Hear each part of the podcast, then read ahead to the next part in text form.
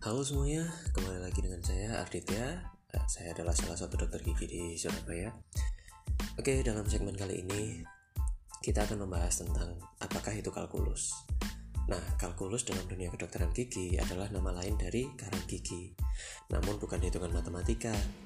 Nah, sedangkan apakah karang gigi atau kalkulus itu sendiri? Eh, karang gigi atau kalkulus adalah sebuah lapisan keras yang menyelimuti sebagian permukaan gigi. Nah, kalkulus sendiri itu dari mana? E, karang gigi atau kalkulus awalnya adalah berupa lapisan lunak yang biasanya kita sebut dengan sebutan plak. Nah, plak ini akan terkalsifikasi sehingga menjadi sebuah lapisan keras yang biasanya kita sebut dengan nama kalkulus atau karang gigi. Nah, kalkulus ini juga harus dihilangkan. Kenapa harus dihilangkan?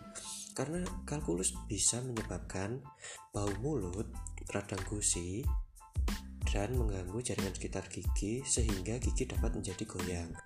Dan yang terakhir adalah memudahkan sisa makanan menempel pada permukaan kalkulus yang kasar.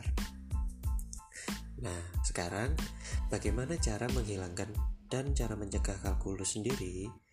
Sebenarnya sih mencegahnya cukup mudah, yaitu bisa dengan cara menggosok gigi yang benar, menggunakan benang gigi atau dental floss, lalu perbanyak makan sayur dan buah, dan juga hindari makan minum yang manis dan lengket. Nah, untuk cara menghilangkannya sendiri harus dengan menggunakan alat khusus karena sikat gigi yang memiliki bulu sikat yang halus itu tidak dapat menghilangkan kalkulus atau karang gigi tersebut. Lalu bagaimana cara menghilangkannya? Kalkulus bisa dihilangkan dengan perawatan yang kita namakan uh, scaling. Dan perawatan ini dikerjakan oleh dokter gigi langganan kita.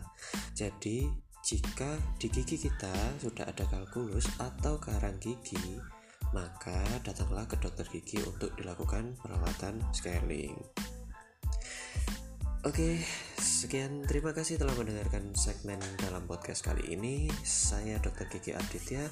Mohon pamit undur diri dan sampai jumpa di segmen berikutnya. Terima kasih.